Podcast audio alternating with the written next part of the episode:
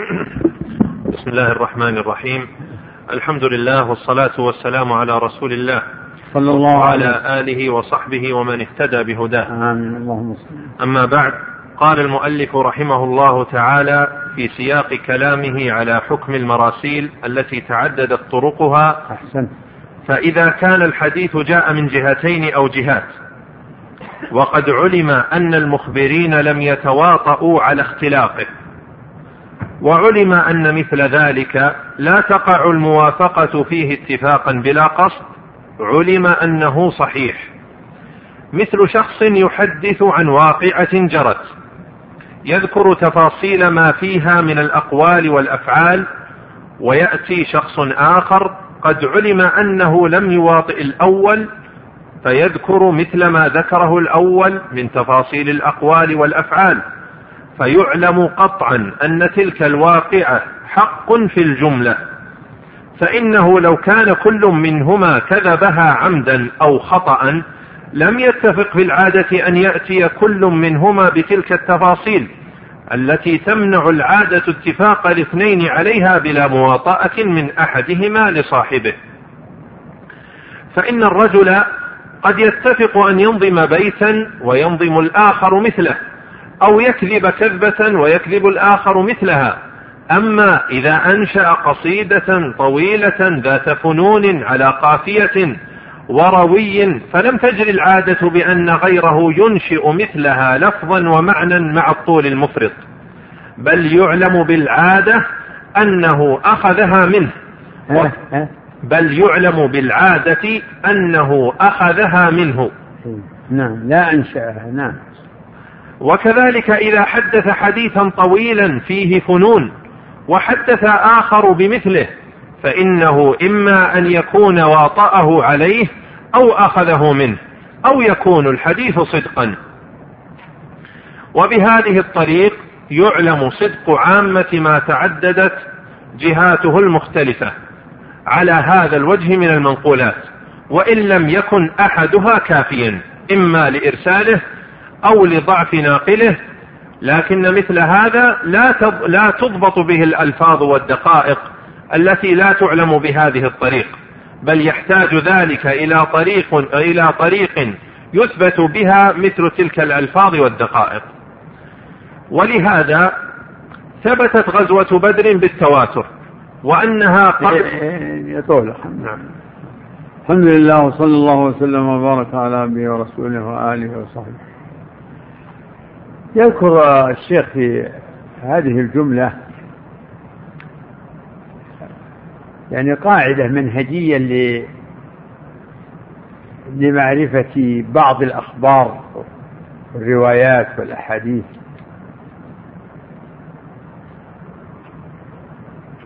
يقول مثلا قد قد يأتي الخبر من طرق لا يكفي الواحد منها كالمرسل والمنقطع. أو الذي فيه راو ضعيف.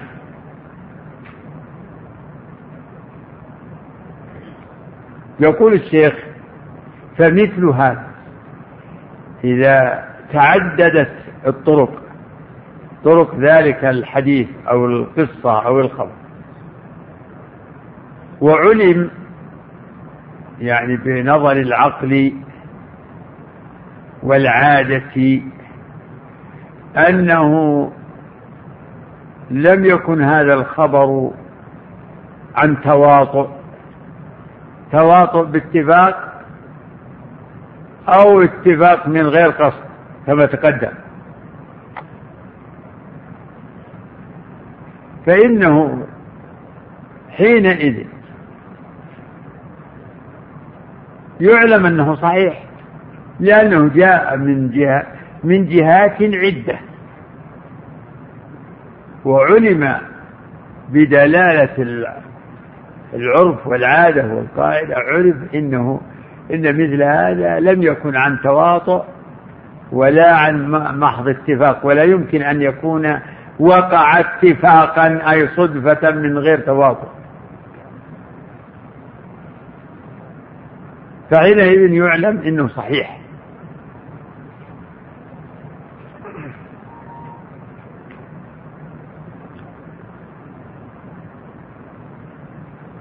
ولا سيما إذا كان الخبر فيه تفاصيل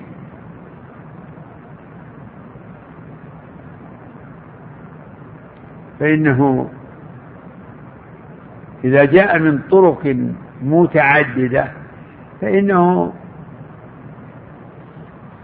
يعلم أنه لم يكن عن تواطؤ لأن قلنا أنه جاء من جهات عدة ما.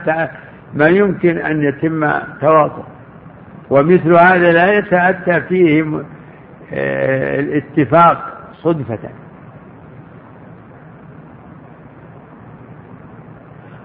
مثل قصة فيها تفصيل قصة طويلة يرويها هذا. يأتي يأتينا أو تأتينا من من طريق وتأتي من طريق آخر. أو طرق وفيها هذا التفصيل فإننا نعلم إن إن هذا يدل على صحة هذا الخبر أو هذه القصة. وذلك على يعني لأمرين. الأمر الأول إنه قد جاءت من طرق متعددة. وثانيا إن هذه الطرق آه، لا يمكن أن يتواطأ فيها الرواة قصدا ولا أن يقع ذلك اتفاقا. يمنع من الأول إنهم طرق مختلفة جهات يعني ما نقول جهات مختلفة فهذا بتعدد الجهات وتباعد ما بين أهل هذا الطريق أو رجال هذا الطريق ورجال هذا الطريق هذا يمنع من التواصل. وكون القصة طويلة وفيها تفصيل يمنع من الاتفاق الذي هو مجرد صدفة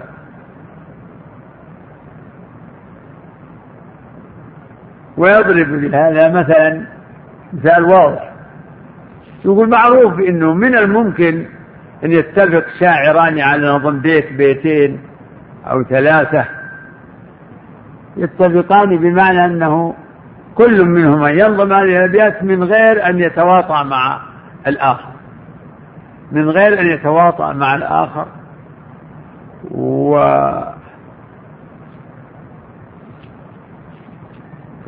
ويكون ذلك مجرد اتفاق. أما أن ينظم قصيدة طويلة و وينظم الآخر نفس هذه القصيدة. هذا يعلم أنه لا, لا يمكن. لا بد أنه, أنه أنهم قد تواطأ. إما أن يكون تواطأ يعني أنه نظمها أحدهما وأخذها الآخر منه. ما يمكن أن ينظم هذا القصيدة بأبياتها وينظم الآخر وما درى عنه. هذا ممتنع في العادة لأن القصيدة طويلة. وهكذا القصة الطويلة التي لها فيها فنون وفيها تفصيلات. إذا تعددت طرقها دل على صحتها لأن التواطؤ في مثل هذا يعني التواطؤ منتفي لتباعد ما بين أهل هذه الطرق. ويمتنع مجرد الاتفاق من غير قصد يمنع منه كون القصة طويلة.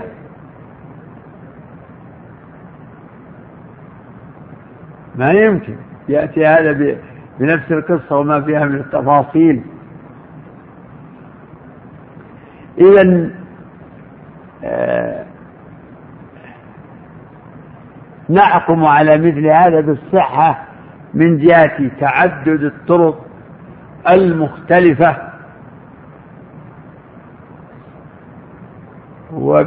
ومن جهة تعذر التواطؤ. يمتنع التواطؤ والاتفاق. ومثل أن يقص أن أن يخبر إنسان عن حدث فيه تفصيلات ثم يأتي آخر ما له علاقة بالأول ما له ليس له علاقة بالأول. فيخبر بهذه القصة نفسها.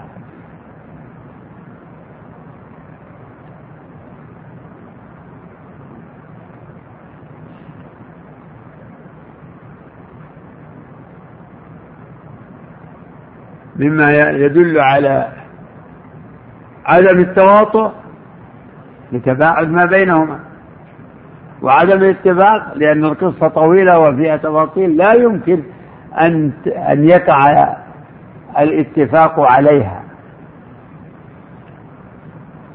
فهذا منهج للحكم على بعض الأخبار والأحاديث الحكم عليه بأنه بأنه صحيح. وإن كان الطريق الواحد لا لا يعول عليه كالمرسل والمنقطع وما ومن فيه راو ضعيف. هذا مضمون ما يقرره الشيخ في هذه الجملة في مناسبة الكلام في المراسيل. والمرسل هو ما سقط منه الصحابي وقد يطلق اسم المرسل على المنقطع. نعم. قال رحمه الله وبهذه الطريق يعلم صدق عامة ما تعددت جهاته المختلفة على هذا الوجه من المنقولات وإن لم يكن أحدها كافيا إما لإرساله وإما لضعف ناقله. لكن مثل هذا لا تضبط به الألفاظ والدقائق التي لا تعلم بهذه الطريق بل يحتاج ذلك يحتاج ذلك إلى طريق يثبت بها مثل تلك الألفاظ والدقائق. ولهذا ثبتت غزوة بدر بالتواتر وأنها قبل أحد بل يعلم قطعا أن حمزة وعليا وعبيدة برزوا إلى عتبة وشيبة والوليد وأن عليا قتل الوليد وأن حمزة قتل قرنه ثم يشك في قرنه هل هو عتبة أو شيبة. وهذا الأصل ينبغي أن يعرف فإنه أصل نافع في الجزم بكثير من المنقولات في الحديث والتفسير هذا أصل. آه سألنا في مثال وهي قصة بدر وقع غزوة بدر. غزوة بدر كما يقال شهرتها تغني عن الإسناد. وهذا كثير من الوقائع والأخبار المعول فيها على الاستفاضة. يعني غزوة بدر لا لا يمكن لأحد أن يشكك فيها في وقوعها من الأمور المشهورة عند المؤرخين فهي معلومة علما ضروريا وكذلك من جزئياتها أن علي وحمزة وعبيدة تبارزوا مع أمثالهم من قريش من جيش المشركين في غزوة بدر. وقيل نزلت فيهم قوله تعالى هذان خصمان اختصموا في ربهم.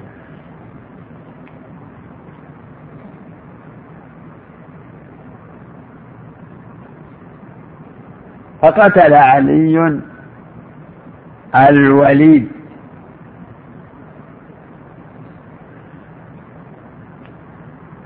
وقتل حمزة.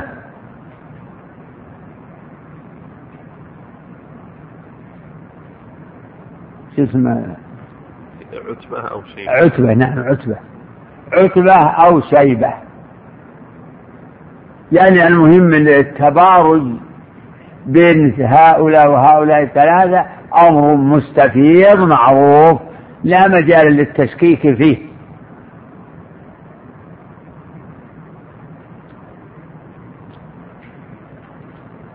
وابن القيم يستدل يعني على يعني المناسبات الأسماء. يقول أسماء المبارزين من المشركين كلها تنبي عن الضعف. وليد عتبة شيبة كلها فيها. وهذا علي حمزة عبيدة فيها قوة. يستشعر بهذا بدلالات الأسماء. سبحان الله. ضعف لفظي ومعنوي مجتمع. ولهذا بحكمة الله هزموا وقتلوا. نعم. وهذا أصل. وهذا وهذا الأصل ينبغي أن يعرف. فإنه أصل نافع في الجزم بكثير من المنقولات في الحديث والتفسير والمغازي. وما ينقل من أقوال الناس وأفعالهم وغير ذلك. الله نعم هذا أصل نفس نفس التقرير السابق يقول هذا أصل نافع. يعني الاعتبار بهذا المعنى. كل الشيء يأتي من جهات من طرق متعددة تمنع التواطؤ وتكون يعني المروي يعني فيه كثير من الأمور وتفصيلات مما يمنع وقوع ذلك اتفاقا من غير قصد فهذا أصل عظيم يعرف به يعني حكم أو صحة كثير من المرويات والأخبار نعم. ولهذا إذا روي الحديث الذي يتأتى فيه ذلك عن النبي صلى الله عليه وسلم من وجهين مع العلم بأن أحدهما لم يأخذه عن الآخر جزم بأنه حق. لا سيما إذا علم أن نقلته ليسوا ممن يتعمد الكذب. وإنما يخاف على أحدهم يخاف على أحدهم النسيان والغلط. فإن من عرف الصحابة كابن مسعود وأبي بن كعب وابن عمر وجابر وأبي سعيد وأبي هريرة وغيرهم علم يقينا أن الواحد من هؤلاء لم يكن ممن يتعمد الكذب على رسول الله صلى الله عليه وسلم فضلا عمن هو فوقهم. كما يعلم الرجل من حال من جربه وخبره خبرة باطنة طويلة أنه ليس ممن يسرق أموال الناس. ويقطع الطريق ويشهد بالزور ونحو ذلك. وكذلك التابعون بالمدينة ومكة والشام والبصرة فإن من عرف مثل أبي صالح السمان والأعرج وسليمان بن يسار وزيد بن أسلم وأمثالهم علم قطعا أنهم لم يكونوا ممن يتعمد الكذب في الحديث فضلا عمن هو فوقهم مثل محمد بن سيرين أو القاسم بن محمد أو سعيد بن المسيب أو عبيدة السلماني أو علقمة عبيدة دائما. أحسن الله أو عبيدة السلماني أو علقمة أو الأسود أو نحوهم. وإنما يخاف على الواحد من وإنما يخاف على الواحد من الغلط. فإن الغلط والنسيان كثيرا ما يعرض للإنسان. اللهم ومن الحفاظ من قد عرف الناس بعده عن ذلك جدا. الله كما على كل حال أني أيضا يؤكد يؤكد سبق بأن من الرواة ما يعلم من حالهم أنه لا أنه يمتنع وقوع الكذب منهم. والأصل أن الصحابة كلهم عدول وكل ما نقل عنهم أو قالوه أو رووه عن نبيهم فهو صحيح.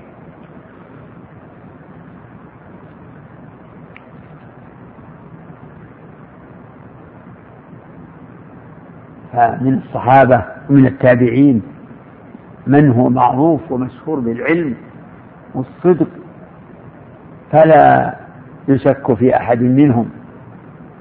لأنهم أئمة أئمة من الصحابة.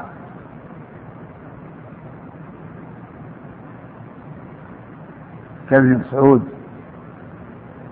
وعلي والخلفاء الراشدون عموما.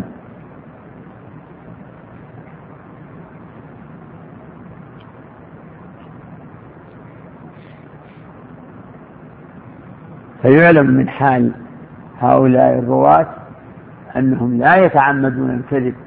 حاشاهم.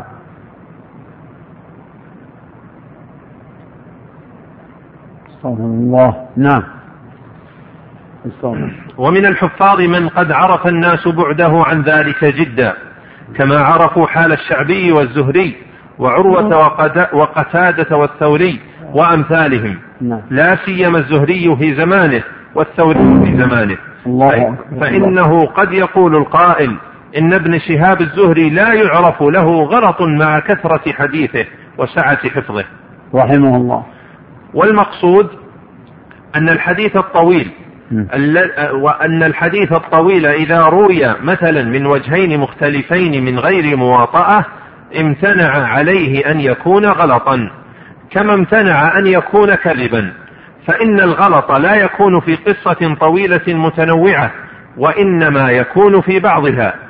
فإذا روى هذه القصة هذا قصة طويلة متنوعة ورواها الآخر مثل ما رواها الأول من غير مواطأة امتنع الغلط في جميعها كما امتنع الكذب الكذب في جميعها من غير مواطأة. ولهذا إنما يقع في مثل ذلك غلط في بعض ما جرى في القصة. هذا تقرير تأكيد لما سبق. تأكيد لما سبق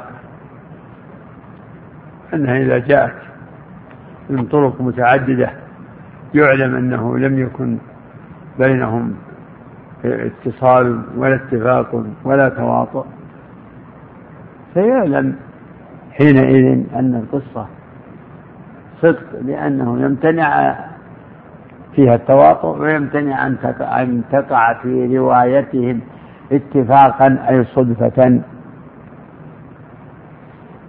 هذا بحكم يعني بمعرفة الواقع وهذا بحكم العادة. نعم. هذا ولهذا إنما يقع في مثل ذلك غلط في بعض ما جرى في القصة. مثل حديث اشتراء النبي صلى الله عليه وسلم البعير من جابر. فإن من تأمل طرقه علم قطعا أن الحديث صحيح وإن كانوا قد اختلفوا في مقدار الثمن. وقد بين ذلك البخاري في صحيحه فإن جمهور ما في البخاري ومسلم مما يقطع بأن النبي صلى الله عليه وسلم قاله مما يقطع بأن النبي صلى الله عليه وسلم قاله لأن غالبه من من هذا النحو. ولأنه قد تلقاه أهل العلم بالقبول والتصديق والأمة لا تجتمع على خطأ فلو كان الحديث كذبا في نفس الأمر والأمة مصدقة له قابلة له لكانوا قد أجمعوا على تصديق ما هو في نفس الأمر كذب. وهذا إجماع على الخطأ وذلك ممتنع. وإن كنا نحن بدون الإجماع نجوز الخطأ أو الكذب على أو الكذب أو الكذب على الخبر. فهو كتجويزنا قبل أن نعلم الإجماع على العلم الذي ثبت بظاهر أو قياس ظني أن يكون الحق في الباطن أن يكون الحق في الباطن بخلاف ما اعتقدناه. فإذا أجمعوا على الحكم جزمنا بأن الحكم ثابت باطنا وظاهرا. ولهذا كان جمهور أهل العلم من جميع الطوائف على أن خبر الواحد إذا تلقته الأمة بالقبول تصديقا له أو عملا به أنه يوجب العلم. وهذا هو الذي ذكره المصنفون في هذه مسألة بالمناسبة. يقول إنه, إنه ذهب جمهور أهل العلم على أن خبر الواحد إذا تلقته الأمة بالقبول فإنه يفيد العلم. خبر الواحد هو خبر الآحاد تارة يقول هذا خبر واحد أو هذا من خبر الآحاد.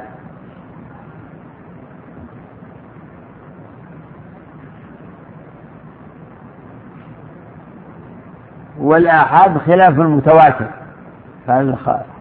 فالخبر ينقسم أولا إلى قسمين متواتر وآحاد. المتواتر ما نقله عدد تحيل العادة تواطؤهم على الكذب. عن مثلهم عن مثلهم إلى أن يبلغ ذلك النبي صلى الله عليه وسلم أو من انتهى إليه الخبر من كلامه فإنه حينئذ يصير متواتر ومعلوم قطعا لأنه جاء من طريق التواتر جاء بطريق التواتر. والقسم الثاني الآحاد. والآحاد ما جاء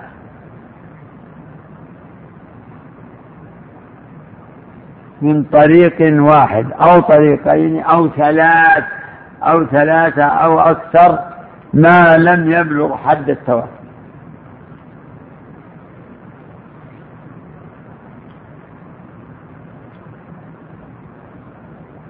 فما جاء من طريق هذا اسمه غريب. وما جاء من طريقين يسميه بعضهم عجيز. وما جاء من ثلاثة طرق. ما جاء من ثلاثة طرق فإنه المشهور. ويبقى محافظا على هذا الاسم حتى يبلغ التواتر. المتواتر يفيد العلم. يعني يفيد القطع. وأما الآحاد فإنها لا تفيد القطع بل تفيد الظن الغالب. لكن إذا جاءت جاء الخبر من طرق وتلقته الأمة وتلقته الأمة بالقبول. سبحان الله. فإنه يفيد العلم. وهي مسألة طويلة الأبحاث بين أهل السنة وغيرهم.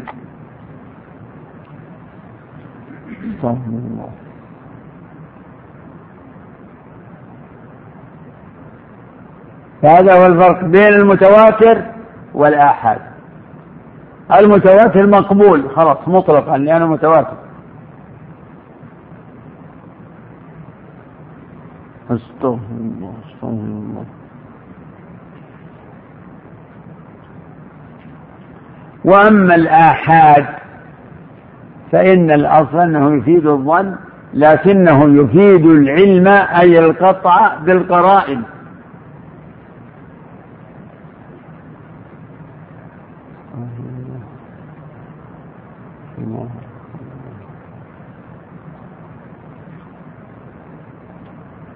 وهذا هو مذهب جمهور العلماء لكن يقول الشيخ إن بعض المتأخرين هم الذين أحدثوا القول بأن خبر الآحاد لا يعول عليه ولا سيما في العقائد فلا يستدل به في العقائد.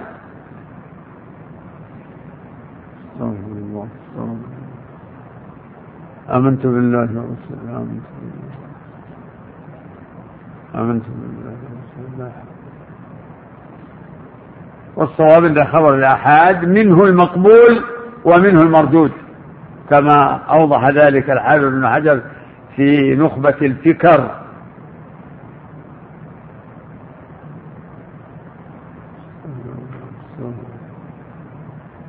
منه المقبول ومنه المردود.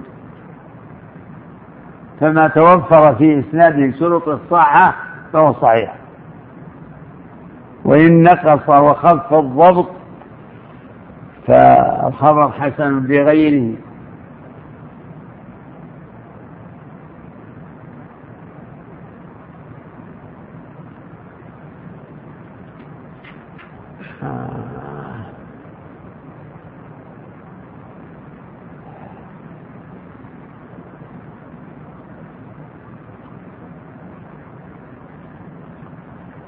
Yeah. Uh -huh.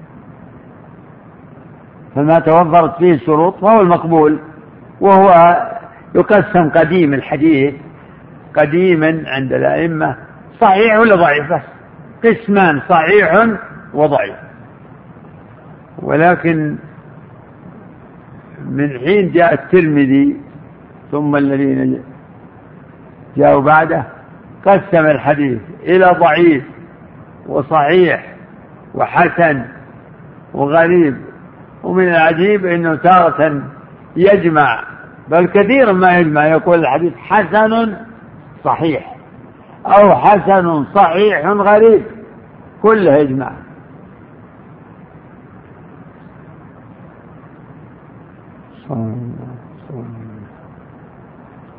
فما توفرت فيه الشروط الصحيح لذاته أو صحيح لغيره أو الحسن لذاته أو الحسن لغيره. إذا تلقته الأمة بالقبول أفاد العلم. نعم بعده ولهذا كان جمهور أهل العلم من جميع الطوائف على أن خبر الواحد إذا تلقته الأمة بالقبول تصديقا له أو عملا به أنه يوجب العلم. وهذا هو الذي ذكره المصنفون في أصول الفقه. من أصحاب أبي حنيفة ومالك والشافعي وأحمد إلا فرقة قليلة من المتأخرين. اتبعوا في ذلك طائفة من أهل الكلام أنكروا ذلك. ولكن كثيرا من أهل الكلام أو أكثرهم يوافقون الفقهاء وأهل الحديث والسلف على ذلك. الله نعم. وهو قول أكثر الأشعرية كأبي إسحاق وابن فورك وأم وابن فورك وأما ابن وأما ابن الباقلاني فهو الذي أنكر ذلك وتبعه مثل أبي المعالي وأبي حامد وابن عقيل وابن الجوزي وابن الخطيب والآمدي ونحو هؤلاء. والأول هو الذي ذكره الشيخ أبو حامد وأبو الطيب وأبو إسحاق وأمثالهم من أئمة الشافعية وهو الذي ذكره القاضي عبد الوهاب وأمثاله, وأمثاله من المالكية. وهو الذي ذكره أبو يعلى وأبو الخطاب وأبو الحسن ابن الزاغوني وأمثالهم من الحنبلية. وهو الذي ذكره شمس الدين السرخسي وأمثاله من الحنفية. وإذا كان الإجماع على كل حال يعني الشيخ يعدد أصحاب المذاهب ويقول أنهم كل أصحاب المذاهب الأئمة الأربعة وأصحابهم ومن يقول بقولهم يرى حجية يرى حجية خبر الواحد. و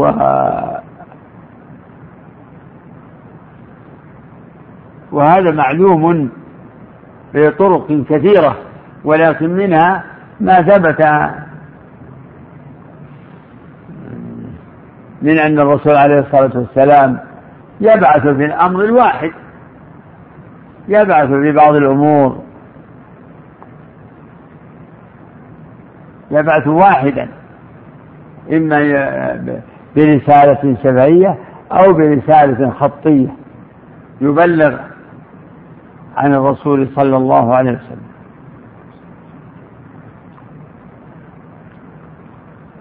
شواهد والشواهد على قبول خبر الواحد. شواهده كثيرة.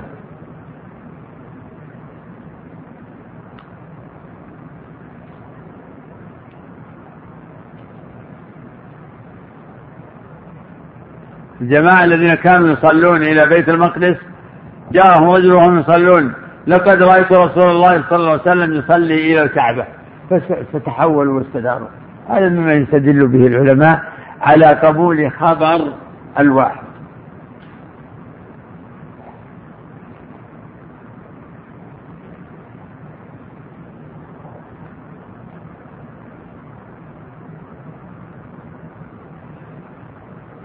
ودلائله كثيرة ومستفيضة.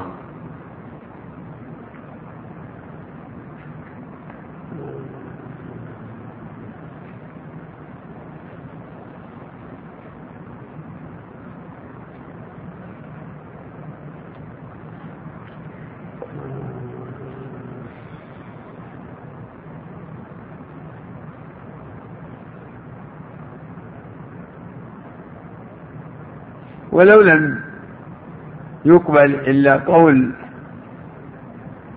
يعني أكثر من واحد ويرد بالواحد يعني في الساد ما هو واحد وبس. إذا روى الخبر فلان عن فلان عن فلان عن فلان هذا سند واحد.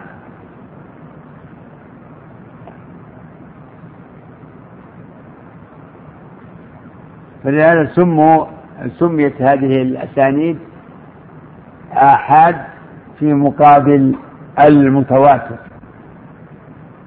المتواتر مقبول مطلقا. والمردود إنما يرد بسبب سقط في السند أو طعن في الراوي كما قرر ذلك الحافظ. ابن حجر في نخبة الفكر. نعم.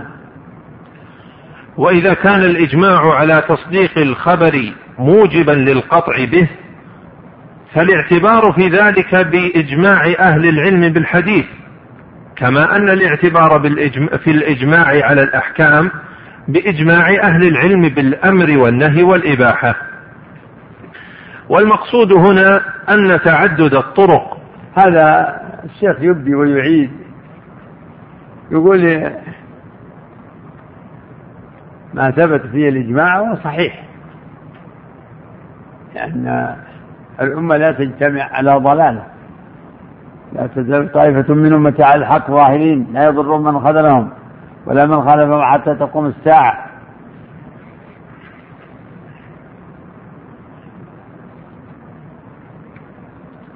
فخبر الواحد يعني مقبول في الجملة.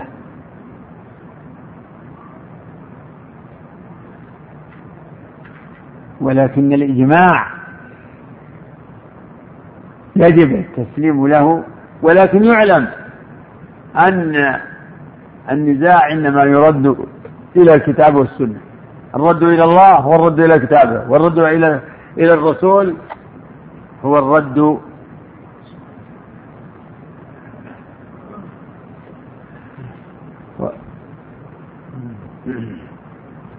والرد إلى الرسول هو الرد إلى سنته صلى الله عليه وسلم. وأما الإجماع فإنه دليل على الدليل. فإن الأمة لا تجتمع على ضلال فلا بد أن يكون لهذا الإجماع مستند من الكتاب والسنة. علمه من علمه وجهله من جهله. سبحان الله.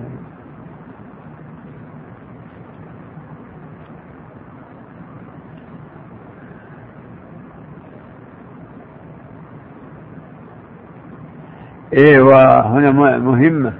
وهو يقول إن الإجماع الإجماعات ليس المعتبر فيها إجماع جميع الأمة. علمائهم وعامتهم وأصحاب سائر التخصصات لا. بالنسبة للحديث فما أجمع على رواية عن الحديث يعلم. تعلم صحته. هذا إجماع. وما كان من المسائل الفقهية فكذلك إذا أجمعوا هذا إجماع أصحاب هذا الشأن. وقس على هذا. فلا يعد في الإجماع على شيء من لا يحسنه ولا يعرف عنه شيئا. كما إذا أجمع الأطباء على حكم حالة فإن كذلك يعتبر بإجماعهم لأن هذا هو تخصصهم. نعم. والمقصود هنا أن تعدد الطرق مع عدم التشاعر أو الاتفاق في العادة يوجب العلم بمضمون المنقول. لكن هذا ينتفع به كثيرا في علم أحوال الناقلين. ينتفع به؟ ولكن هذا ينتفع به كثيرا في علم أحوال الناقلين. وفي مثل هذا ينتفع برواية المجهول والسيء الحفظ وبالحديث المرسل ونحو ذلك. ولهذا كان أهل العلم يكتبون مثل هذه الأحاديث ويقولون إنه يصلح للشواهد والاعتبار ما لا يصلح لغيره. قال أحمد قد أكتب حديث الرجل لأعتبره ومثل هذا بعبد الله بن لهيعة قاضي مصر فإنه كان من أكثر الناس حديثا ومن خيار الناس لكن لكن بسبب احتراق كتبه وقع في حديثه المتأخر غلط. فصار يعتبر بذلك ويستشهد به. وكثيرا ما يقترن هو والليث بن سعد والليث حجة ثبت إمام رحمهم الله. وكما أنهم يستشهدون ويعتبرون بحديث الذي فيه سوء حفظ فإنهم أيضا يضعفون من, من حديث الثقة الصدوق الضابط أشياء تبين تبين. أحسن الله تبين لهم غلطه. تبين لهم غلطه فيها بأمور يستدلون بها ويسمون هذا علم علل الحديث وهو من أشرف علومهم بحيث يكون الحديث قد رواه ثقة ضابط وغلط فيه. يعني ظاهره الصحة لكن عند أصحاب السائل له علة فهو معلول معلول. فالإنسان القاصر السطحي يقول هذا إسناد صحيح. ولهذا التحقيق أنه ليس كل ما صح سندا يصح متنا لأن شروط الصحيح أن يرويه عدل ضابط عن مثله وهو اتصال السند.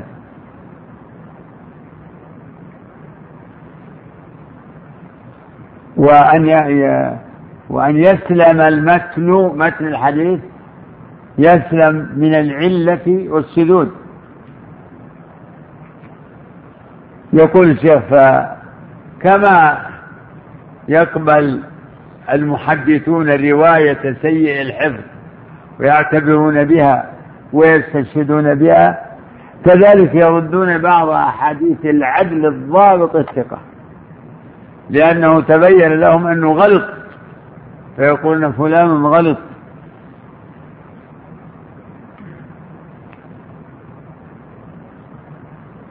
فالمقصود أن أهل الحديث لهم في هذا يعني العجب العجاب في تمييزهم للأحاديث يحكم أحدهم على الحديث من أول وهلة يعرف أن هذا الحديث لا يكون لا يصح عن النبي صلى الله عليه وسلم. نعم. قال رحمه الله وغلطه فيه عرف إما بسبب ظاهر كما عرفوا أن النبي صلى الله عليه وسلم تزوج ميمونة وهو حلال وأنه صلى في البيت ركعتين. وجعلوا رواية ابن عباس لتزوجها حراما ولكونه لم يصلي مما وقع فيه الغلط. وكذلك أنه اعتمر أربع عمر وعلموا أن قول ابن أن قول ابن عمر أنه اعتمر في رجب مما وقع فيه الغلط. وعلموا أنه تمتع وهو آمن في حجة الوداع وأن قول وأن قول عثمان لعلي كنا يومئذ خائفين مما وقع فيه الغلط. الله. وهذه هذه أغلاط من من الأثبات من الثقات. ولهذا نماذج ثبت في الصحيحين عن أن ابن عباس رضي الله عنه قال تزوج النبي صلى الله عليه وسلم ميمونة وهو محرم. سبحان الله وهو محرم يتزوج هذا ممنوع. لأنه يعلم لا ينكح المحرم ولا ينكح في رواية ولا يخطب أو ولا يخطب.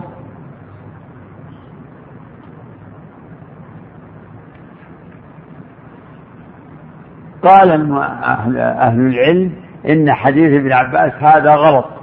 ما الدليل؟ الدليل أن ميمونة نفسها رضي الله عنها ذكرت أن النبي صلى الله عليه وسلم تزوجها وهو حلال وهكذا أبو رافع الذي هو رسول بين النبي صلى الله عليه وسلم وبين ميمونة.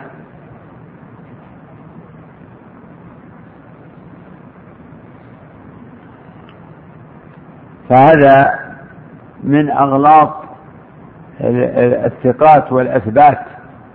فحكم العلماء على أن حديث ابن عباس غلط. قالوا فإن ميمونة أعلم بنفسها وأبو رافع السفير أعلم بحقيقة الواقع. مما يمكن أن يمثل به أن المعتبر في الإجماع إجماع كل أهل شأن من الشؤون كإجماع الحديث على على حديث على قبوله أو إجماعهم على رده. وكذلك إجماع الأطباء في فيما يجمعون عليه من القضايا الطبية. وهكذا. ولعل من هذا إجماع أهل الحل والعقد في الأمة على تنصيب ولي أمر.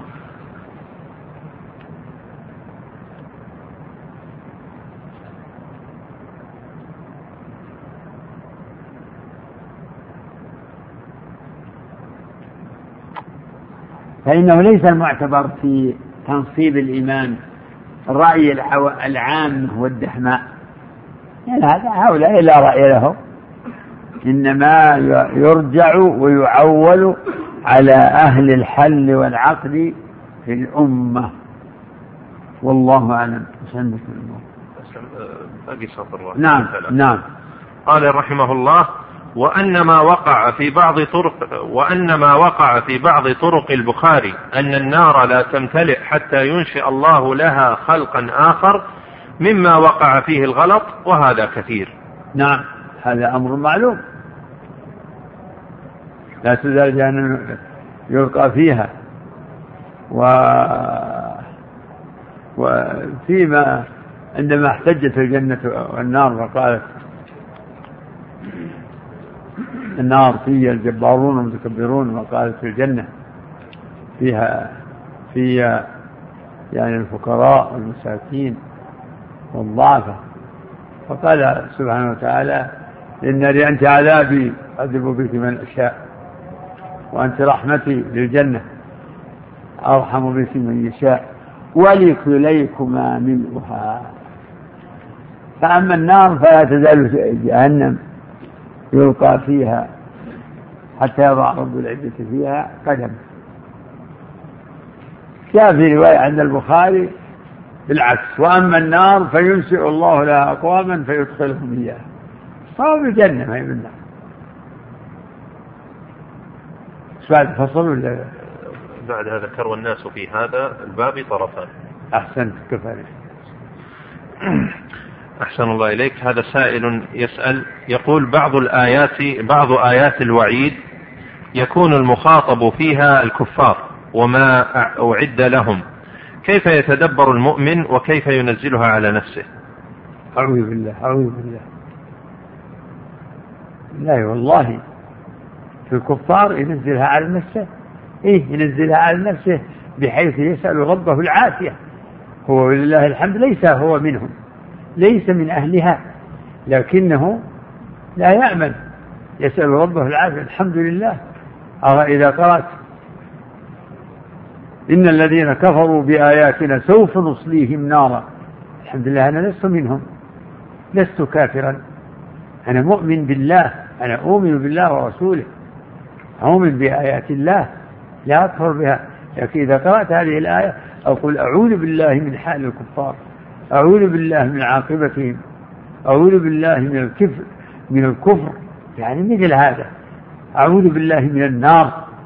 حما تنزلها على نفسك كويس. يعني يعني تستشعر إنه كافر لا. نعم. الله إليك. هذا سؤال من الشبكة من أمريكا يقول أخت مسلمة تزوجت من شاب مسلم في أمريكا بموافقة ولي الفتاة المقيم في بلاد المسلمين. وتم توثيق عقد الزواج بواسطة المحاكم الأمريكية وبحضور الشهود ولكن بدون مأذون شرعي. فهل هذا الزواج صحيح؟ لا إله إلا الله. ما هو واضح السؤال؟ بموافقة. هل استناب من يعني المأذون ليس شرطا. المأذون ليس شرطا. هل هناك هل وليها في البلاد الإسلامية استناب شخصا وقال زوج ابنتي؟ هذا هو المهم. فإن كان قد استناب مسلما عنه في الإيجاب قال زوج ابنتي ففعل. وتم ذلك في المحاكم. كتبوا كتبوا حضر فلان وزوج فلان كتابة. فعندي هنا هذا صحيح. يعني ال الولي هو الوكيل والشهود كذلك حاضرون. غاية الأمر إن الكتابة تمت في مكتب في مكتب كما تقول المحاكم. فالمأذون ليس شرطا. المأذون ما هو إلا مشرف ومسجل هو يسجل يعني المعلومات يكتب اسم الولي الشهود اسم الزوج اسم الزوجة ويأخذ تواقيعهم إلى. نعم والله أعلم. أحسن الله إليك. هذا سؤال يقول هل القياس مثل الإج... مثل الإجماع دليل يظهر الدليل أو هو دليل في ذاته؟ لا هو دليل في ذاته لأنه مستنبط من نفس الدليل. الدليل على الأصل. ولكن لحجية القياس أدلة. القائلون بالقياس لهم استدلالات كالاحتجاج بالإجماع. لكن الإجماع قالوا إنه دليل على الدليل لكن بسبب إنه إنه إنه لا بد أن يكون حقا. الإجماع الصحيح لا بد أن يكون حقا. استغني به عن البحث عن الدليل. خلاص. عندنا يقين أن هذا الإجماع لا بد أنه مبتن أو مبني على دليل من كتاب أو سنة. نعم. أحسن الله إليك. هذا أخونا بن جاسم من الإمارات يقول السلام عليكم ورحمة الله وبركاته. ففي مساء يوم الجمعة الموافق 27 من الشهر الماضي وأثناء درسكم المنقول عبر الشبكة آه، من مسجد الخليفي وصلتكم وصلتكم رسالة من دولة الإمارات يخبركم المرسل فيها أنه صدر قرار من الدولة بإلزام المواطنين الراغبين بتجديد جواز السفر أن يحلقوا لحاهم وأن القرار ذاته قد طبق في دوائر أخرى. ولكن بعد التحري والاستفسار قيل لي أن هذا الكلام هو مجرد إشاعة ليس إلا. الحمد لله. هذه بشرى. جزاك الله خير. أي هو ذكر أنه يريد أن يخبرك يعني. جزاكم الله خير. آه هذا سمعنا به أولا قديم قبل السؤال هذا آه الذي سأل خصه بالقطاع العسكري. وهو ذكر هذا أيه بالقطاع العسكري. و... وقلت للذي سألني آه، دافعوا أنت وزملائك دافعوا لعل الله يدفع بكم الشر وإن لم فالحمد لله. آه، لا تطلبوا الرزق بمعصية الله. وكونوا أقوياء. جزاك الله خير. طيب كمل كمل هو قال في الأخير نعم لقد تم إلزام العاملين في السلك العسكري والشرطة هنا بالدولة بحلق لحاهم ولكننا لم نسمع بأن القرار أصبح مطبقا على الجميع. والسلام عليكم ورحمة الله وبركاته. وعليكم السلام. بارك الله وهذا سائل يسأل يقول أحسن الله إليكم هل يصح تسمية المولود بعتبة؟ وهل اجتنابه أفضل أم لا؟ وهل يصح التسمية ممكن, ممكن يعني الأسماء فيها الحسنة وفيها الأحسن وفيها إيه، القبيح وفيها أقبح وفيها محرم. محرم حرام. التعبيد لغير الله عبد الشمس. عبد السيد عبد الحسين. هذا حرام. وكذلك ملك الملوك. هذا إن أقنع اسم من تسمى ملك الأملاك وما إلى ذلك. أما عتبة جائز. اسم بس لكنه ليس مختارا. ليس مختارا. نعم. يسأل عن عبد المطلب. عبد المطلب. تركه أولى لأنه يوهم ما كل يفهم المقصود. لأنه نقل لنا الشيخ محمد بن عبد الوهاب في في باب يعني في أحد الأبواب في التسميح نقل عن ابن حزم قال إنه أجمع العلم على تحريم كل اسم معبد لغير الله. حاشا عبد المطلب. عبد المطلب هذا لقب لجد النبي صلى الله عليه وسلم. لقب لقب. وإلا اسمه شيبة. هذا أيضا نفس الجد. قيل إنه كان قد خرج مع عمه المطلب إلى المدينة. فرآه أهل المدينة وقد تغير لونهم فقالوا هذا من من هو؟ هم لا يعرفونه. قالوا هذا عبد المطلب. فصار لقبا له حتى إن النبي عليه الصلاة والسلام قال وهو على البغلة يركضها أنا النبي لا كذب أنا أنا ابن عبد المطلب صلى الله عليه وسلم. نعم. وهذا سائل من الشبكة يسأل عن صحة بعض العبارات. الأولى دع الغدر لرب الغدر. هذا الكلام نسأل الله العافية. يوهم. يوهم إن كان كان يريد برب الغدر. دع الغدر لأهله. يعني لأهله لأهل الغدر نسأل الله العافية. دعه فأنت لا تكن من أهل الغدر. اترك الغدر لأهله.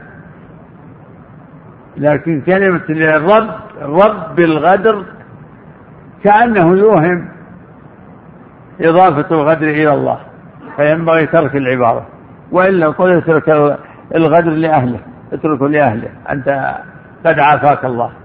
نعم. نعم الله يا شيخي دع الغد الغد لرب الغد. شو هو الغدر؟ إيه لا لا الغد. أنت غلط؟ أنا غلط نعم